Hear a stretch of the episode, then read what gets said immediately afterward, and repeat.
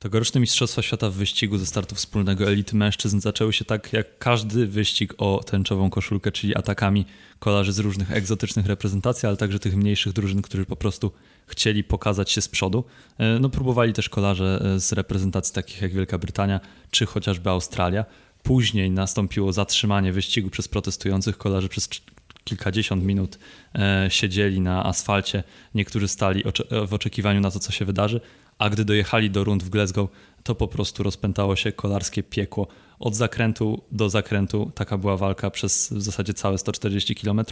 No i ostatecznie w pięknym stylu wyścig wygrał Mathieu van der Poel. I o tym właśnie, w jaki sposób ten wyścig y, się rozstrzygnął, porozmawiamy w dzisiejszym podcaście, y, na który zapraszają Was, tak jak zwykle, Bartek Kozra i Kacper Krawczyk.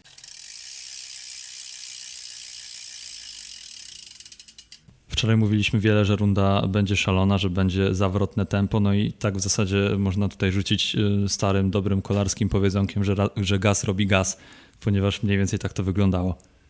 E, no tak, my właściwie to nie doszacowaliśmy e, tego szaleństwa, które e, no, faktycznie miało miejsce, no bo mówiliśmy, że dojedzie 10-osobowa grupa, no i obaj postawiliśmy na no, sprinterów albo zawodników dobrze czujących się na takich finiszach, a tu okazało się, że, że, że walka o triumf stoczyli pełno, pełnokrwiści, e, pełnokrwiści e, klasykowcy. No oczywiście Mats Pedersen i, i Wout van Aert należą do tej samej kategorii co Christophe Laporte, o którym mówiłeś ty, no ale no, mimo wszystko chyba E, chyba ten wyścig był jeszcze cięższy niż, niż przewidywaliśmy. Na pewno, ale też nie wiadomo, jakby się Laport pokazał, gdyby rzeczywiście miał szansę się pokazać, bo nie zapominajmy, że z walki wykluczył go defekt. I, i widać, po raz pierwszy. Właśnie w Paryż-Roubaix również e, defekt pozbawił go e, szans na walkę o jakikolwiek dobry wynik. No i szkoda, że tak to się kończy, ale też y, jednocześnie Laport nie był osamotniony, ponieważ wielu kolarzy e, straciło szansę, jak co roku to ma miejsce, albo z powodu kraks, albo z powodu defektu.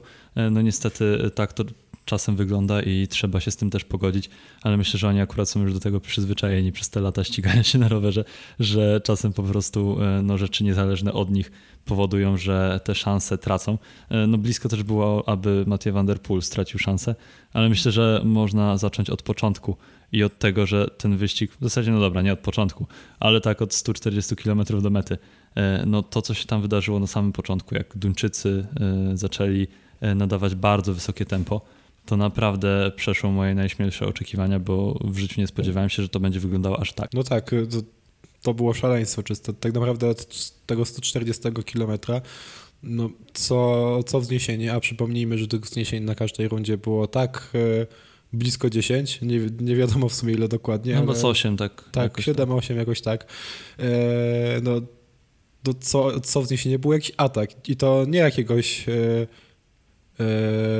nie jakiegoś e, nieco słabszego zawodnika, właśnie takiego zawodnika, nie wiem, z reprezentacji Izraela czy reprezentacji Watykanu, który chciałby się pokazać, że hej, jestem tutaj z egzotycznej reprezentacji i chciałbym chciałbym zasygnalizować swoją obecność. No nie, no, atakowali od samego początku ci, ci najlepsi kolarze. Nie wiem, czy, e, czy już w tym momencie na 140-130 km czy, 100, czy 120 e, atakowali Wout van Aert i Mats Pedersen, ale wydaje mi się, że jakieś tam ataki z ich strony e, były. No każdym... Ja sobie nie przypominam, Michał, na pewno z Kielmozy z Alaphilippem się tak. oderwali na pierwszej albo drugiej rundzie. E, więc tam naprawdę szedł gaz nieziemski. Jeszcze też, e, bo tak zaczęliśmy od rund, bo w sumie wszystko, co istotne dla przebiegu wyścigu, zaczęło się właśnie na rundach, ale też nie można zapominać, że wcześniej, e, kiedy było to zatrzymanie i protestujący przerwali wyścig, to kolarze zatrzymali się na rundach. No, przepraszam, przed podjazdem, nie na rundach. I, I gdy wystartowali tam, wiadomo, 7 minut po tej ucieczce, to Belgowie między innymi narzucili takie tempo, że peleton się porwał i przez no, kilkanaście minut, jeżeli dobrze pamiętam, e, ten peleton był e, podzielony na dwie, trzy grupy. E, tam też został Mathieu van der Poel, więc Holendrzy mieli sporo pracy już w tej wcześniejszej fazie wyścigu. No i właśnie tak to wyglądało, że Mathieu van der Poel miał problemy od, od samego początku tego wysokiego tempa, ale później wrócił do, te, do peletonu razem z pomocą swoich kolegów i szybko przedostał się na czoło, no i na rundach już jechał bardzo czujnie. Mm, zdecydowanie. E, bardzo czujnie jechał, ale on chyba akurat atakował najmniej spośród tych wszystkich e, kandydatów do zwycięstwa. Nie wiem, czy nie przypominam sobie żadnego ataku Vanderpoola przed, no przed tym jego atakiem, który okazał się Atakował trzy razy.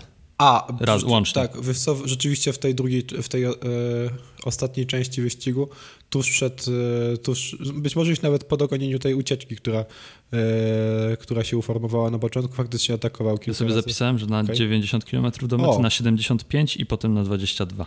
A to w takim razie tego nie pamiętałem, myślałem, że to było trochę później. No ale to były takie ataki, Tak. zresztą kto tam nie atakował, bo tam w zasadzie każdy z kolarzy z tej czołówki próbował y, się wyrwać jakoś do przodu.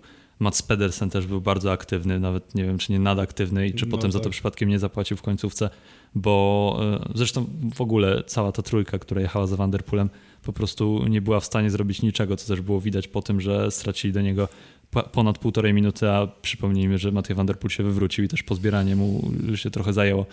Także no naprawdę niezwykła jazda Matej Vanderpoola.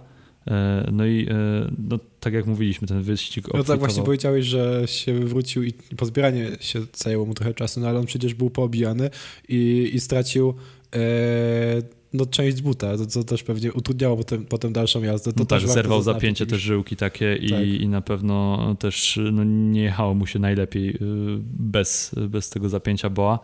No ale y, no, nie było dzisiaj mocnych na Holendra i, i naprawdę no, w końcówce miał wiele, wiele czasu na to, żeby spokojnie podchodzić do tych zakrętów, chociaż on przyznał w wypowiedzi po zakończeniu zmagań, że on wcale nie podejmował jakiegoś dużego ryzyka.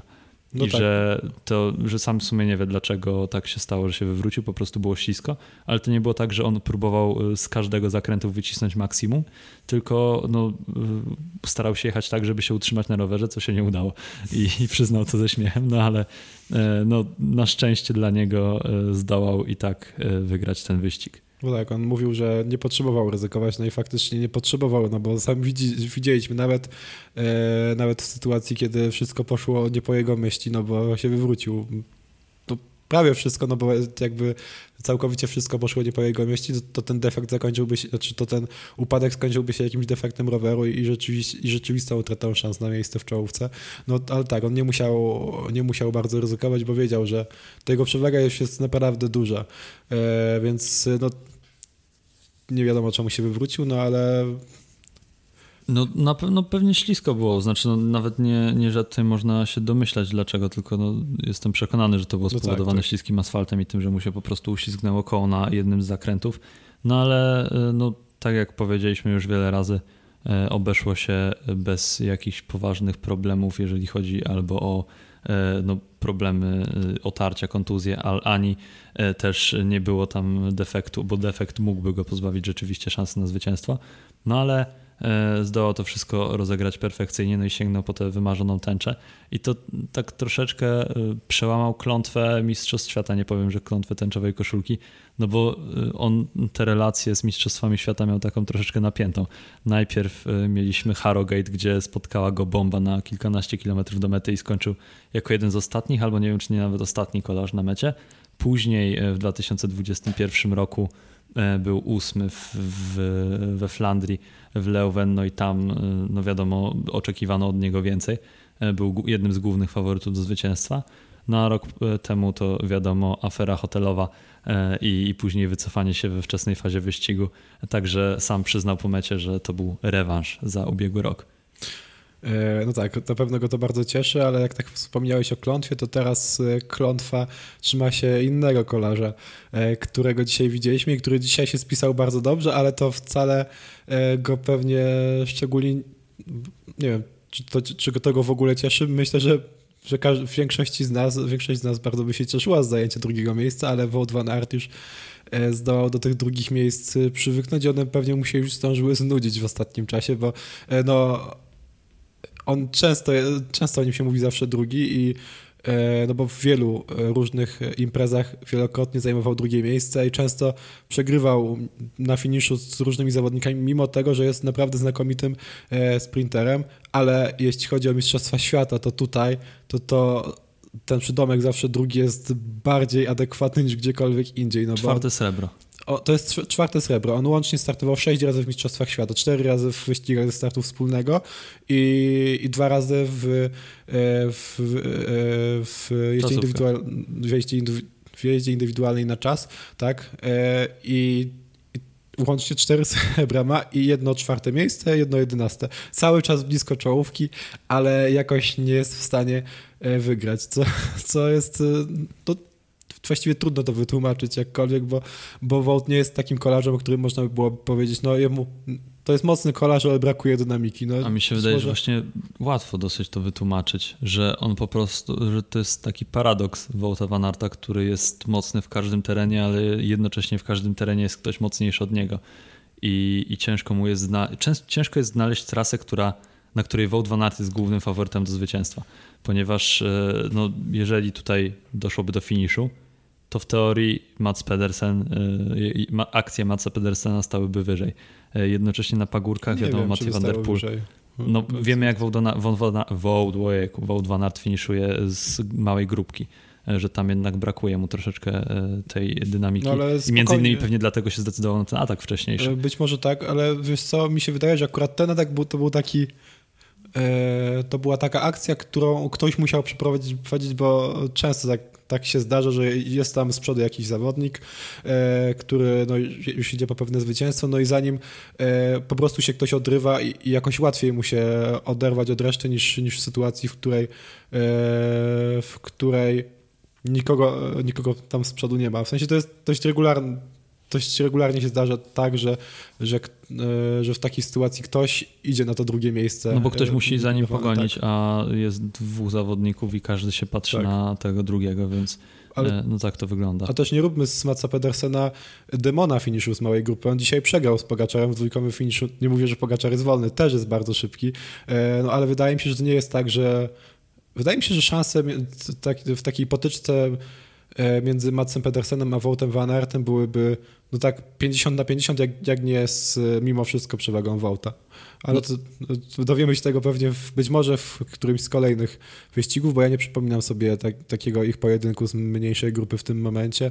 E, no, no ja też nie za bardzo, natomiast no Mats Pedersen już wygrał raz Mistrzostwa Świata po finiszu z trzyosobowej grupki e, i tam też był szybki Matteo Trentin. Teraz nie wiem, wydaje mi się, że on bardzo wcześnie zaczął ten swój finisz tak, e, myślę, że I, tak, zdecydowanie. No i też wcześniej był jednym chyba z najaktywniejszych zawodników, tak mi się wydaje, z tej grupki, e, która właśnie ostatecznie walczyła o zwycięstwo, bo on atakował, e, no nie wiem, no na pewno z pięć razy przynajmniej.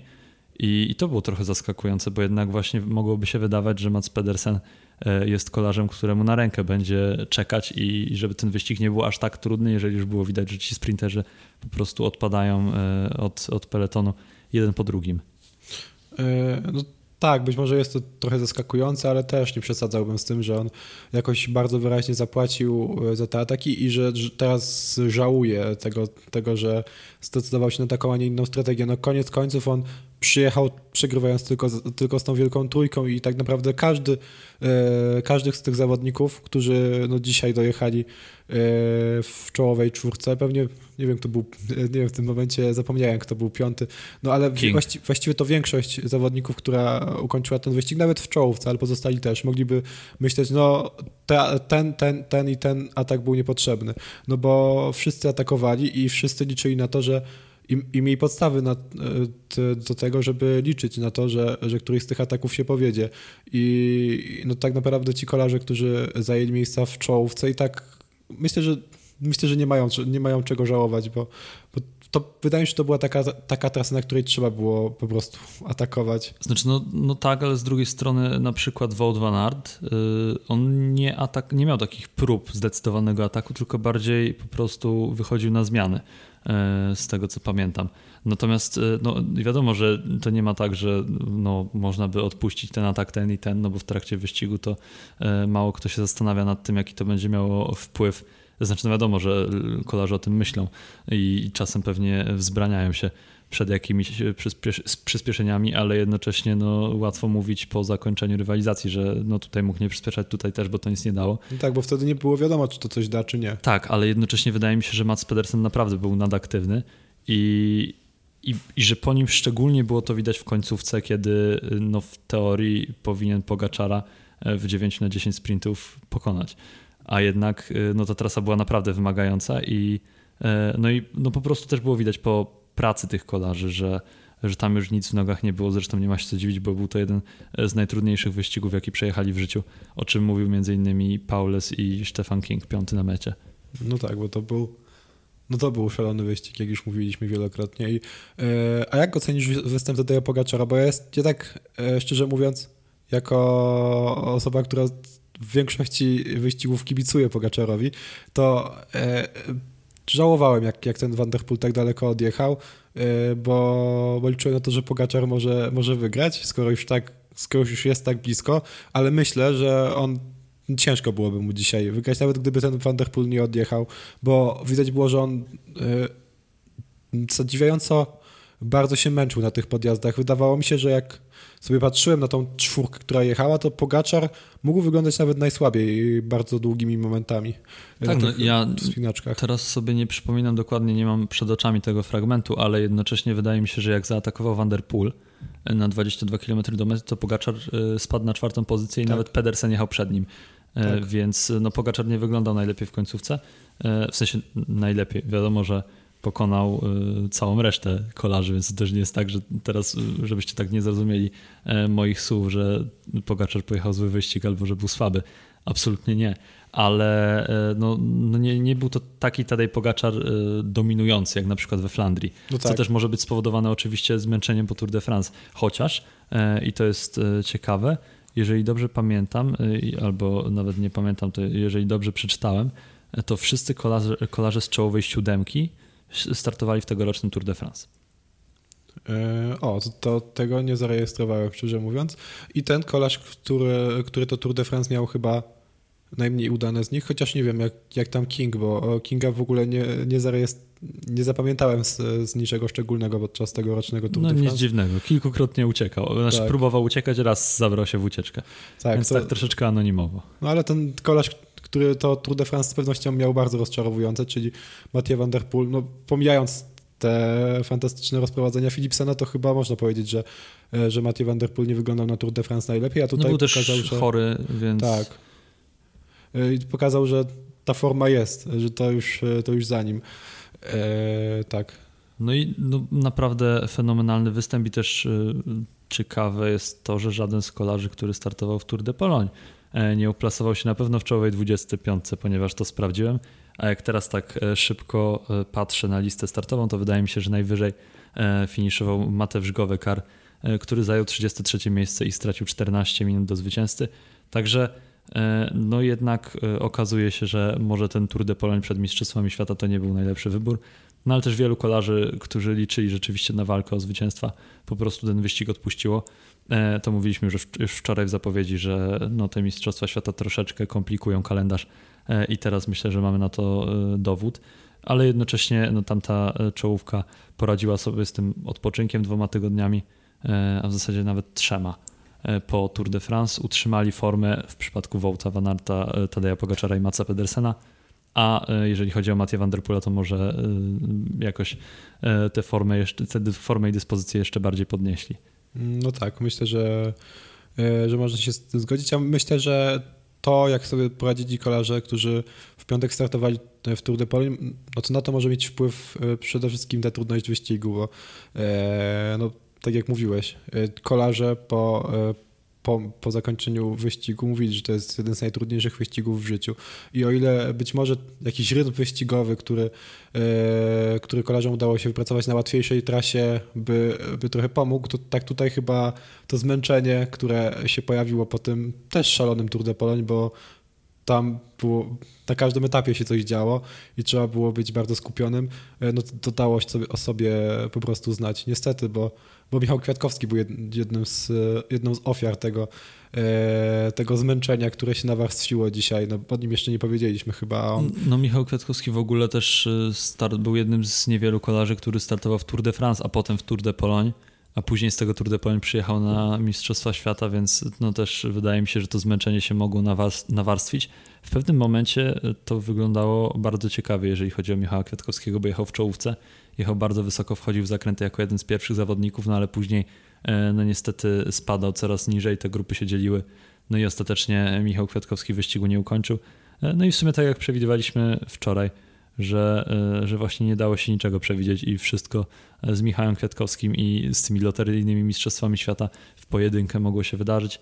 Ale też nie mówmy o tym, że to były loteryjne Mistrzostwa Świata. Koniec końców. Nie, nie. E, czterech... Chodzi mi o to, że, e, no, że nie dało się przewidzieć Koniec... niczego przed tymi mistrzostwami, okay. jak to się w ogóle potoczy. Właśnie tak, ale to, to, jest zabawne też, że faktycznie jest tak, jak mówisz, że to były takie mistrzostwa, przed którymi nikt, nikt nie wiedział, czego się spodziewać, a okazało się, że no, na czterech pierwszych miejscach zameldowali się no właściwie na pięciu pierwszych miejscach zameldowali się ci kolarze, którzy, no pięciu najlepszych kolarzy klasycznych w tym momencie, tak mi się no, wydaje. z Kingiem to nie, to, wiem, nie powiedziałbym akurat. No, no, być może z Kingiem trochę przesadziłem, ale, ale no Mathieu, no wielka trójka wiadomo. Wydaje mi się, że też w tych wiosennych klasykach to tym kolarzem, który aspirował do tego, żeby być, naj, najmocniej aspirował do tego, żeby być tym, tym najlepszym spośród ludzi był Mats Pedersen jednak.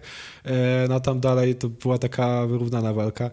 E, no i to się potwierdziło na tych Mistrzostwach Świata, także e, działo się wiele szalonych rzeczy, e, wszystko mogło się wydawać takie bardzo loteryjne, a ostatecznie wyniki były takie zgodne z przewidywaniami. No może Remco, Remco Evenepoela brakowało, ale też Remco Evenepoel nie jest typowym klasykowcem, jest kolarzem specjalizującym się w Liège-Bastogne i wielkich turach. To jest w ogóle ciekawy, ciekawy temat i myślę, że możemy poświęcić chwilę, ponieważ Remco Evenepoel wyglądał w tym wyścigu w taki sposób, jakby cały czas e, grał z rywalami i, ich testował. Raz jechał z tyłu, zostawał, potem nagle atakował i, i gdy atakował, to zyskiwał przewagę i to wyglądało tak, jakby on po prostu był najsilniejszy ze wszystkich. E, na, na tych niektórych podjazdach patrzył się do tyłu, nikt z nim nie jechał, tam raz mu chyba wyszedł Mauro Schmidt po, po jego przyspieszeniu, ale generalnie no, nie oderwał się ani razu Remco Evenepoel, a potem nagle e, no, strzelił e, z grupy i to chyba nawet nie tej e, głównej, tylko tej, która jechała troszeczkę dalej przed Chrisem Neylancem, więc no ostatecznie no też trudy tego wyścigu dopadły Remco Evenepoela, który skończył go na 25 miejscu za Petrem Kelemenem. No tak, myślę, że Remko może być zawiedziony tym, tym co, co się stało na tych, na tych mistrzostwach. Natomiast e, no, Belgowie e, i tak mogą być zadowoleni mimo tego e, słabszego występu Evenepoela, który nie obronił, nie obronił tęczowej koszulki dla Mistrza Świata. Ale nie wiem, nie wydawało ci się, że Belgia była podzielona na takie dwa składy i przy Remku Evenepoelu jechał cały czas Yves Lampert, a tak, przy Wołcie Nathan Van Hooydonk i tak, Tish Benot? Tak, też, też miałem takie wrażenie, tak patrzę sobie i to, to jest Jumbo-Visma, czy to jest reprezentacja Belgii. Belgia A i Belgia B. Tak. No, to też, zresztą wydaje mi się, że to to było całkiem rozsądne, że masz, masz, wielu, masz wielu świetnych zawodników, no dziewięciu, nikt, żadna drużyna nie miała tylu, e, tylu kolarzy, wszyscy są naprawdę bardzo dobrzy, masz dwóch e, zawodników, myślę, wydawało nam się, że trzech, ale ten Philipsen jednak dość szybko się wykruszył, e, na pewno szybciej niż, niż ja bym tego oczekiwał. No to właściwie to, to, jest dość rozsądne, że wystawiasz e, no, dwa różne składy, e, które mają wspomagać tych dwóch twoich liderów. No a do dojazdu na rundach jechali bardzo drużynowo, bo przecież tam, co mówiliśmy o tym właśnie porwaniu się peletonu, no to Belgowie zrobili robotę, a szczególnie Frederick Frison, który później oczywiście szybko wycofał się z wyścigu, no bo już nie był potrzebny i, i nie musiał kontynuować ścigania, bo prędzej czy później i tak by został zdjęty z trasy. No ale tak e, myślę, że suma summarum Belgowie pojechali dobry wyścig taktycznie, to nie było tak, że popełnili jakieś błędy. E, Wout van Aert znalazł się w kluczowej akcji, tylko po prostu był dzisiaj kolarz poza zasięgiem. E, no a z tym nie da się wygrać, nawet mając najsilniejszy zespół w całej stawce. No, zdecydowanie tak. E, kolarstwo to jest sport drużynowy, ale jednak w nieco innym stopniu niż taka piłka nożna.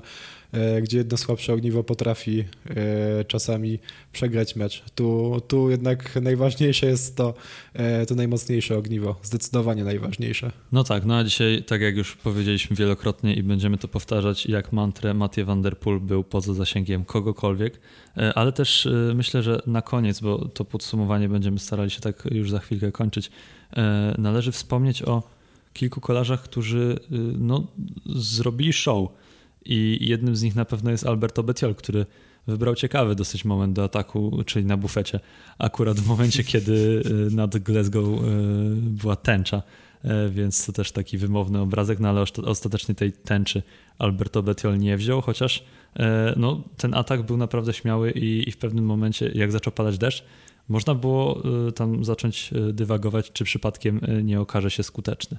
No tak, ja tam e, już w, pewnym momencie myślałem, że ta wielka trójka niestety e, no dzisiaj e, nie będzie tą nie będzie tym pierwszo, pierwszoplanowym bohaterem zbiorowym, tylko właśnie ten e, Bettiol powtórzy swój wyczyn z Flandrii. Wtedy też nikt się nie spodziewał tego, że on jest w stanie nawiązać, znaczy nawiązać walkę, no wygrać po prostu z tymi wszystkimi e, najlepszymi kolarzami na świecie, chociaż wtedy ci najlepsi kolarze na świecie to byli trochę inni e, niż, niż teraz. No i drugie e... miejsce wtedy, e, o nie, Kasper Asgren, to chyba rok wcześniej Formolo.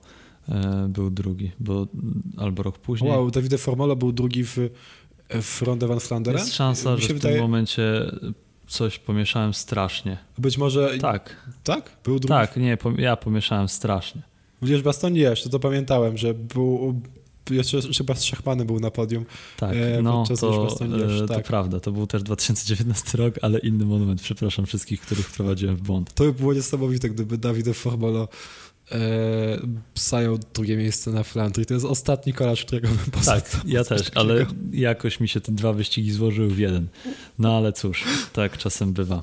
E, no ale ta, tak jak mówiłeś, Alberto Bettiol też wygrał wtedy niespodziewanie te Flandrie, no ale teraz nie wygrał, ponieważ no, został wchłonięty przez tę ucieczkę i nawet nie był w stanie się zaczepić gdzieś na koło Tadeja Pogaczara, który jechał w tej trzyosobowej grupce wtedy, kiedy Matej Van Der Poel już od wszystkich odskoczył. E, no i później zaczął tracić powoli pozycję za pozycją i ostatecznie zamknął czołową dziesiątkę.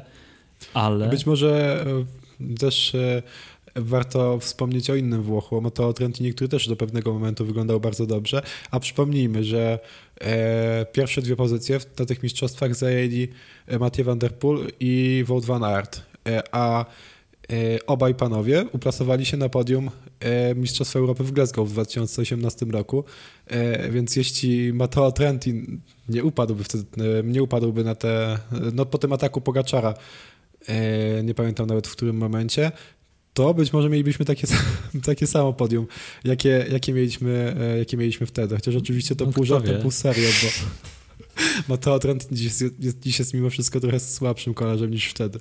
Ja mam jeszcze dwóch bohaterów e, do wymienienia. Jest to e, Matthew Dinam, który o, zajął tak. fenomenalne siódme miejsce po całej, całym dniu w ucieczce dnia. To też w sumie pokazało nam na tych rundach, że zabranie się w ucieczkę to dzisiaj był strzał w dziesiątkę, ponieważ e, no, ciężko było peletonowi złapać ten odjazd, który jechał cały czas równym, mocnym tempem. Natomiast no, w, w głównej grupie były te skoki, e, te zrywy, no i e, to nie ułatwia gonienia ucieczki.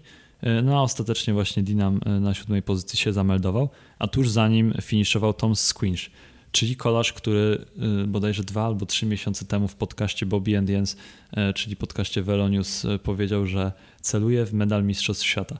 I ja wtedy tak pomyślałem, że no ciekawe, ale raczej nie sądzę. No i rzeczywiście do tego medalu było daleko, ale przez cały wyścig, no dobra, nie przez cały, ale przez większość wyścigu Tom Squinch wyglądał naprawdę bardzo dobrze, na bardzo mocnego, co zresztą, o czym zresztą świadczy ta czołowa ósemka.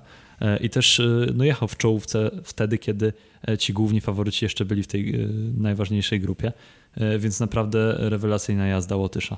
No tak, w pewnym momencie można było nawet pomyśleć, że on z tą towarzyszącą mu dwójką dojadą faktycznie do, do tej wielkiej trójki, do właściwie wielkiej czwórki, która, która tam się wyklarowała w pewnym momencie. No nie udało się, natomiast no koniec końców, nie wiem, wydaje mi się, że, że nie dopadł ich ten E, ten peleton. Koniec znaczy końców, tam czy... się wszystko przerzedziło, bo dojechali do nich Tish Benot, Stefan King, Jasper Stuyven i Matthew Dinam, a odpadł Nilsson Paules z tej grupki.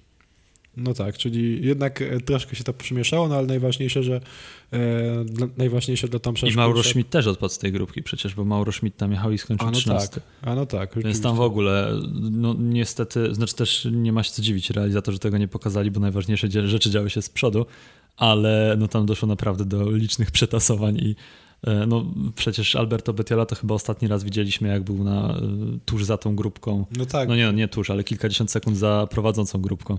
E, znaczy w sumie to wtedy za prowadzącym Vanderpoolem. A ostatecznie skończył dziesiąty ze stratą czterech minut, więc tam naprawdę działy się też bardzo ciekawe rzeczy. No tak, ale w sumie z Betiolem to nie jest bardzo dziwne, no bo potem No bo w momencie, w którym oni tego Bettiola dopadli, to no to to już się zaczęły dziać rzeczy i ciężko było, ciężko było znaleźć czas antenowy na to, żeby pokazać to, jak ten Bettiol jest kolejno wyprzedzany przez kolejnych kolarzy. To prawda, e, ale tak ogólnie realizacyjnie mi się bardzo podobał ten wyścig, e, z tym wyjątkiem, że w końcówce realizatorzy nie za bardzo pokazywali tę trzyosobową grupkę, skupiając się bardziej na Vanderpoolu, który siedział na ziemi i też wcześniej, ale to już wczoraj na, w tych pierwszych wyścigach juniorskich, e, to zwróciło moją uwagę, że e, bardzo często zmieniają realizatorzy ujęcia, e, co wiadomo służy temu, żeby obraz był dynamiczny, żeby się działo, żeby nie było nudno, ale jednocześnie jak chcemy zobaczyć peleton i na przykład doszukać się polskich koszulek, no tak. to po prostu no naprawdę doprowadza do szewskiej pasji, jak e, widzi się, że co chwilę się zmienia, e, realizator zmienia ujęcia i, i praktycznie widać tylko czołową dwudziestkę, na przykład kolarzy w peletonie. No tak, tak, to bardzo utrudniało nam zadanie, kiedy no ten Michał Kwiatkowski trochę się osunął, e, w tym peletonie już nie był na czele i szukaliśmy, sprawdzaliśmy, czy on jest w tej grupie, czy nie i no w końcu okazało się niestety, że że go nie ma i jak, nieważne jak, jak długo by ten realizator pokazywał na ten peleton, e, to niestety byśmy biało-czerwonej koszulki nie, za, nie zobaczyli. No cóż, ale takie są Mistrzostwa Świata. Mistrzostwa Świata, które y, jeżeli chodzi o mężczyzn i start wspólny już się zakończyły. Y, mamy kolarza, który przez najbliższe kilkanaście miesięcy, bo nie 12, ale trochę więcej, jeżeli dobrze liczę, to 13 albo nawet 14, w zależności od tego, kiedy będzie zaplanowany wyścig w Curychu E, będzie jeździł w tęczowej koszulce. E, no i myślę, że będziemy tę tęczową koszulkę oglądać e, bardzo aktywną w czołówkach największych wyścigów, szczególnie jednodniowych. Tak, dla, dla Holendrów to jest wyjątkowa sprawa, no bo przypomnijmy, że poprzednim mistrzem świata był Jupp Zetemelk, który 150 to, lat temu. Tak, a właśnie, właśnie nie. Mogłoby się wydawać, że to było e, bardzo, bardzo, bardzo dawno temu, a to było tylko bardzo dawno temu, bo Jup Cetemelk, którego pewnie, jeśli ktoś z Was kojarzy Jupa Cetemelka, to kojarzy go z rywalizacji z, e, z Edim Merksem, z, i z innymi koleżami z tamtych czasów, a on e, po tą, po tą tęczową koszulkę sięgnął wygrywając Moreno Argentinem i, i Craigiem LeMondem, bo on był wtedy już naprawdę bardzo stary. Jak Alejandro Olverde, prawda? 38 lat miał, a później jeszcze wygrał Amstel Gold Race jako 41-latek. Tak, Niesamowita to sprawa. może teraz Mathieu van der Poel w nieco młodszym wieku również powtórzy swoje triumfy w Amstel Gold Race, tym razem w tęczy, tak jak Michał Kwiatkowski kiedyś. E, zobaczymy, e, ale na razie żegnamy się z wami i wracamy do was chyba przed czasówkami. Tak mi się wydaje, że wtedy też y, zrobimy zapowiedź. E, no ale. Ja się zgadzam. Nie ustalaliśmy tego, ale tak, myślę, że, e, że tak zrobimy. Dobrze, ale to było podsumowanie Mistrzostw Świata, e, jednego z najlepszych wyścigów w tym roku i pewnie jednego z najlepszych wyścigów ostatnich lat, które prowadzili dla Was Bartek Kozura i Kacper Krawczyk. Do usłyszenia, udostępniajcie nasz podcast, lajkujcie, obserwujcie, oceniajcie.